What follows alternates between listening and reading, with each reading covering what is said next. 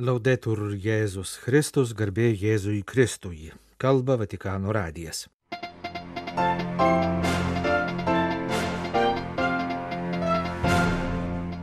Vatikano valstybės sekretorius kardinolas Pietro Parolinas dalyvavo Venecijoje vykusioje konferencijoje skirtoje popiežiaus Jono Pauliaus pirmojo mokymui. Ekumeninis dialogas pakeitė ir katalikus, ir anglikonus, sako Anglijos katalikų vadovas kardinolas Vincentas Nikolsas. Šventosios Teresėlės relikvijos bus atvežtos į Romą.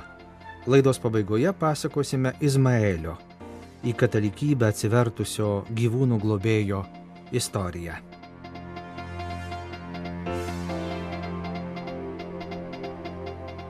Venecijos universitete antradienį, gegužės 23 dieną, buvo pristatytas leidinys Jono Pauliaus pirmojo mokymas - istorinė ir teologinė studija remiantis archyviniais dokumentais.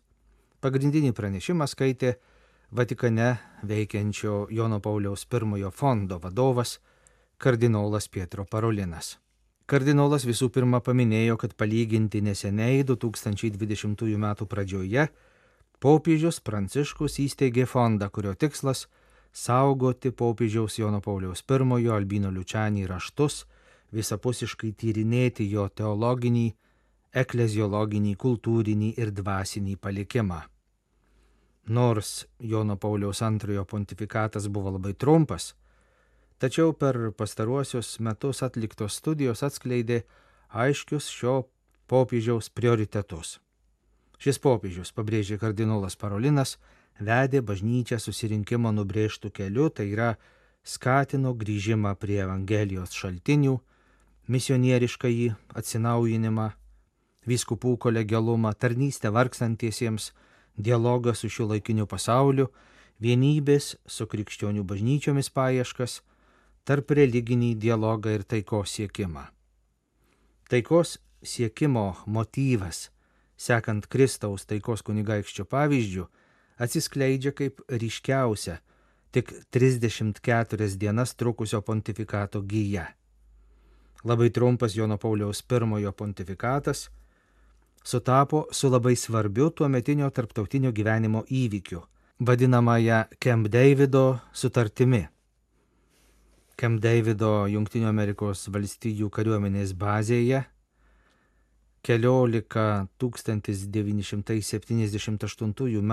rugsėjo mėnesio dienų truko Egipto prezidento Anuaro Sadato ir Izraelio prezidento Menehemo Begino dėrybos, tarpininkaujant Junktinių Amerikos valstijų prezidentui Jimmy Carteriui. Dėrybos baigėsi 1978 rugsėjo 17 dieną Vašingtone pasirašyta taikos sutartimi. Egipto ir Izraelio prezidentai tais metais buvo apdovanoti Nobelio taikos premija. Kardinolas Parolinas priminė, kad jau per 1978 m. rugsėjo 6 bendrąją audienciją popiežius prašė melstis, kad prasidėjusios dėrybos nutiestų kelią į teisingą ir visišką taiką. Teisinga, pabrėžė Jonas Paulius I, tai yra tenkinančią visas konflikto šalis. Visiška tai yra nepaliekančia ne vieno neišspręsto klausimo. Prašymus melstis už dėrybų sėkmę ir už taiką artimuosiuose rytuose popiežius pakartojo dar ir per kitą bendrąją audienciją bei per sekmadienio maldos susitikimą. Po sutarties pasirašymo per rugsėjo 20-osios bendrąją audienciją popiežius atkreipė dėmesį, kad Junktinių Amerikos valstijų kongreso rūmose rugsėjo 17-ąją pasirašant Egipto ir Izraelio taikos sutartį, JAV prezidentui ištarus žodžius palaiminti taikdariai, prasidėjo karšti plojimai. Popiežius paragino ir bendrosios audiencijos dalyvius plojimais pasveikinti tos sutarties pasirašymą.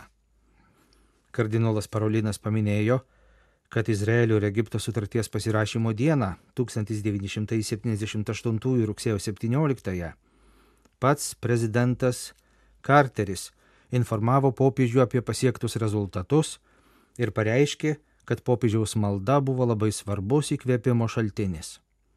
rugsėjo 21 dieną Jonas Paulius I parašė laišką Junktinių valstijų prezidentui. Būkite užtikrintas, kad šventasis sostas, kaip likščiol, ir toliau su dideliu dėmesiu stebės pastangas taikos tikslui pasiekti, rašė popiežius. Šventasis sostas yra pasirengęs prisidėti visais įmanomais su savo pašaukimu suderinamais būdais. Taip pat mes ir toliau melsimės už taiką, kuri taip reikalinga artimųjų rytų šalims ir visam pasauliui. Kai buvau vaikas, negalėjome eiti į kitų krikščionių bažnyčias ar melstis su kitais krikščionimis, sakė Westminsterio arkivyskupas kardinolas Vincentas Nikolsas. Interviu italų katalikų žinių agentūrai SIR jis pasidalijo komentarais apie tarp religinius santykius Junktinėje karalystėje, ypač apie pasikeitusius katalikų ir anglikonų tarpusavio santykius. Pasak kardinolo, pasikeitę tarp konfesiniai santykiai be neakivaizdžiausiai matėsi per neseniai vykusias karaliaus Karolio III karūnavimo iškilmes. Katalikų bažnyčios sugyvenimas su 1534 metais karaliaus Henriko VIII įkurta anglikonų bažnyčia praeitie buvo gana sudėtingas. Didieji pokyčiai įvyko per Vatikano antrąjį susirinkimą, tačiau ir prieš susirinkimą jau buvo galima išvelgti naujų laikų pradžią apie kokybiškai kitokių ryšių būtinumą buvo galvojama jau 20-ojo amžiaus penktajame dešimtmetyje ir nagrinėjamos galimybės. Tačiau tik po Vatikano antrojo susirinkimo prasidėjo plataus masto bendradarbiavimas. Kardinolas pastebėjo, kad jei 1953 metais per Elžbietos antrosios karūnavimą buvo neįsivaizduojama, kad katalikų primas galėtų dalyvauti tokioje šventėje, tai šiandien būtų neįsivaizduojama, kad jis galėtų nedalyvauti. Ir tai rodo, kaip pasikeitė santykiai per pastaruosius 70 metų. Tarp katalikų ir anglikonų bažnyčių vyksta nuolatinis institucinis dialogas, už kurį yra atsakinga Tarptautinė katalikų ir anglikonų komisija. Tačiau taip pat palaikomi ryšiai vietos lygmenių, kuriuose dalyvauja abiejų bažnyčių vyskupai, parapijos ir eiliniai tikintieji. Šiandien katalikams įprasta dirbti kartu su kitų konfesijų krikščionimis, o ir pats kardinolas dažnai susitinka su anglikonų primu arkivyskupu Justinu Velby. Pasak kardinolo dialogas pakeitė ne tik tarp asmeninius santykius, bet ir pačias bažnyčias. Šventojios Teresės iš Lizie relikvijos dalyvaus Birželio 7 dieną popiežiaus Pranciškaus trečiadienio bendrojoje audiencijoje. Apie tai pranešė Lizie šventovės rektorius kunigas Olivier Ruffre. Šiuo metu vyksta jubiliejiniai Šventosios Teresės metai, paskelbti jos 150-ųjų gimimo ir 100-ųjų beatifikacijos metinių proga. Šventosios Teresėlės relikvijos bus Romoje nuo birželio 6 iki 16. Jų atgabenimą organizuoja tėvų jezuitų vadovaujama popiežiškoji rusų kolegija, kurios globėja yra Šventoji Teresė iš Lizie. Kolegija buvo įkurta 1929 metais popiežiaus Pijaus XI sprendimu į Romą tais laikais atvykus dideliam emigrantų iš bolševikinės Rusijos srautui. Svarbiausias kolegijos uždavinys buvo renkti katalikų kunigus, pirmiausia rytų apieigų, kilusius iš Rusijos arba rusų ir rytų slavų kilmės. Taip pat sudaryti galimybę studijuoti rytų apeigas, dvasingumą ir kultūrą. Popiežius Pranciškus šių metų rugsėjo mėnesį ketina aplankyti Prancūziją, tačiau jo kelionės tikslas tik pietų Prancūzijos Marselio uostamiestis. Kadangi popiežius negalės atvykti į Lizie, Teresė atvyks susitikti su popiežiumi, pasakė šventovės rektorius kunigas Rufrei. Būsimoji šventoji Teresė Martin gimė 1873 metais. Nuo pat vaikystės įtroško tapti vienuole karmelite, tačiau dėl per jauno amžiaus negalėjo būti priimta į vienuolyną. Dėl to ji nuvyko pas patį popiežių Leoną XIII įsiprašė į jo kunigystės 50 metų sukakties iškilmę ir asmeniškai paprašė, kad popiežius leistų ją įstoti vienuolyną pirmą laiko. Vis dėlto Leonas XIII nenorėjo daryti jokių išimčių. Leidimas buvo suteiktas tik po metų. Įstojusi į karmeličių vienuolyną, Teresė gana greitai susirgo džiova ir mirė būdama tik 24 metų. Per vos keliarius metus ji pagarsėjo karštą maldą. Nors niekada Teresėlė nebuvo išvykusi už vienuolyno sienų, jie šiandien gerbiama kaip misijų globėja kartu su didžiuoju misionieriumi šventuoju Pranciškumi Ksaveru. Popiežius Pijus XI 1923 metais paskelbė šventąją Teresę palaimintąją, o po dviejų metų ją kanonizavo. Be misijų globėjos vardo jai buvo suteiktas ir bažnyčios mokytojos vardas. Šventosios kūdikėlio Jėzaus Teresės liturginis minėjimas kasmet švenčiamas spalio pirmą dieną.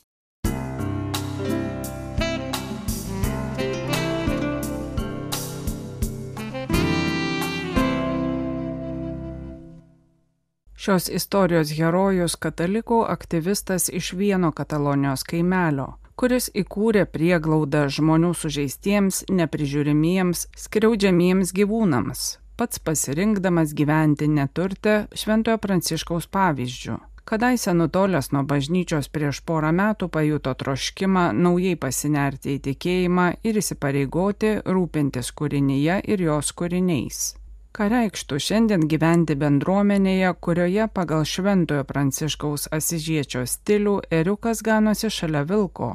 Fundacijon šventovėje Ispanijoje Izmailis Dobarganesas padarė šį drąsų pasirinkimą, kuris kilo dėka gilaus ekologinio atsivertimo Savo gyvenimą jis paskyrė šalies agrariniuose ūkiuose, namuose ir maisto pramonėje nuskriaustų gyvūnų priežiūrai. Žalumos apsuptoje Katalonijos vietoje šis katalikų aktyvistas ir influenceris kasdien rūpinasi asilais, arkliais, karvėmis, oškomis, keulėmis, vištomis. Juos maudo, šeria, skiria veterinarijos gydytojo paskirto terapiją, kad jie pasveiktų.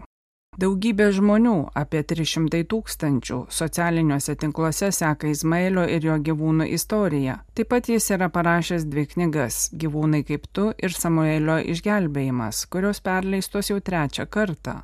Tai, ką aš darau, esu skolingas Dievui. Kliūčių daug, tai sunkumai susiję su klimatu, mokėjimais, sąskaitomis, erdvėmis, pagalbininkų paieškomis Tačiau apvaizda manęs niekada nepalieka, todėl sakau, kad Dievas padeda judėti į priekį, aš jam tik tarnauju.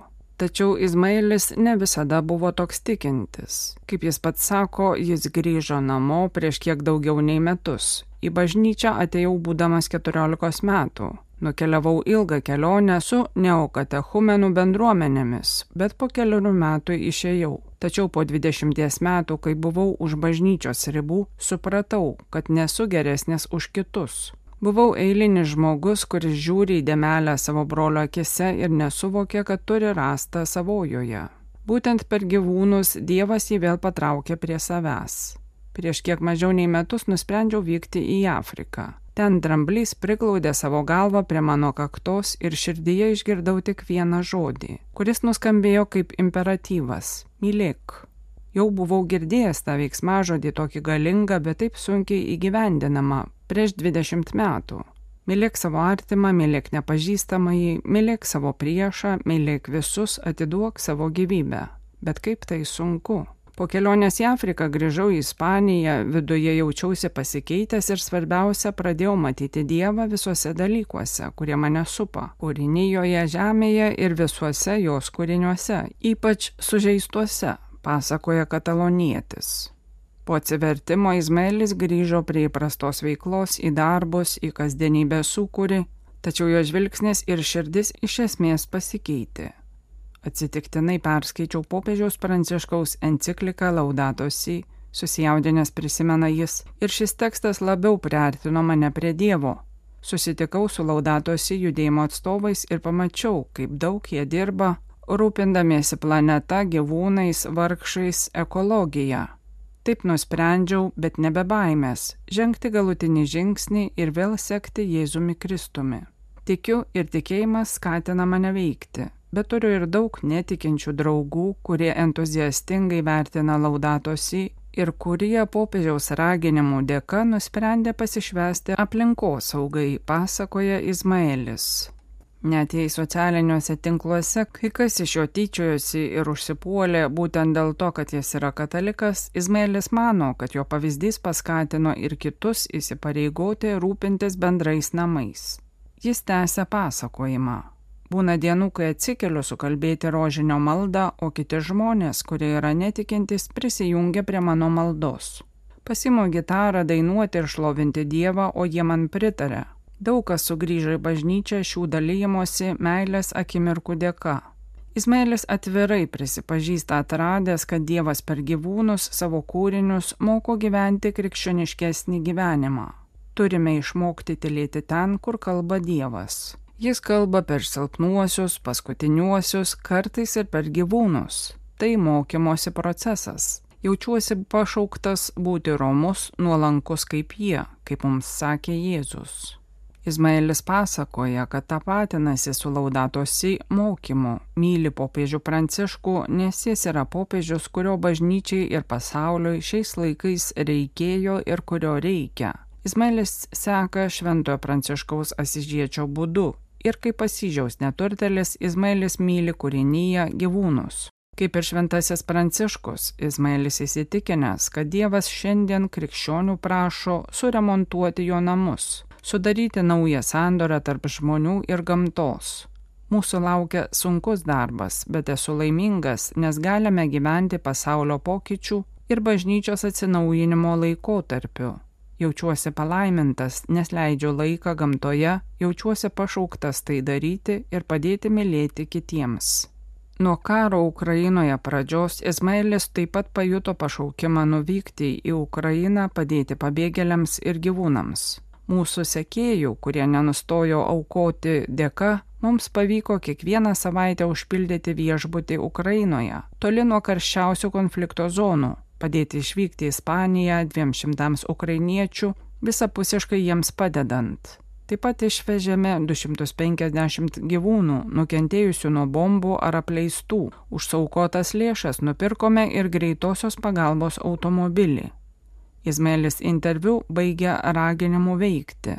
Nemanykite, kad jūsų indėlis nieko vertas, kad jūs negalite pakeisti dalykų. Jei jaučiate meilės impulsą kūrinyjei, veikite, tapkite pokyčių kūrėjais, ragina Izmaelis.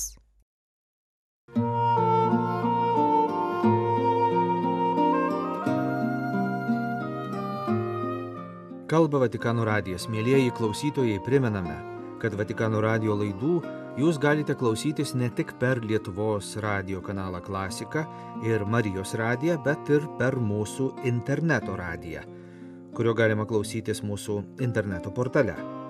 Vatikano radio lietuviškasis kanalas veikia visą parą be pertraukos. Jo laidų tinklelyje žinios lietuvių kalba, liturginės valandos, rožinio malda, mišios lotynų kalba ir klasikinė muzika primename mūsų interneto portalo adresą vaticannews.va lt.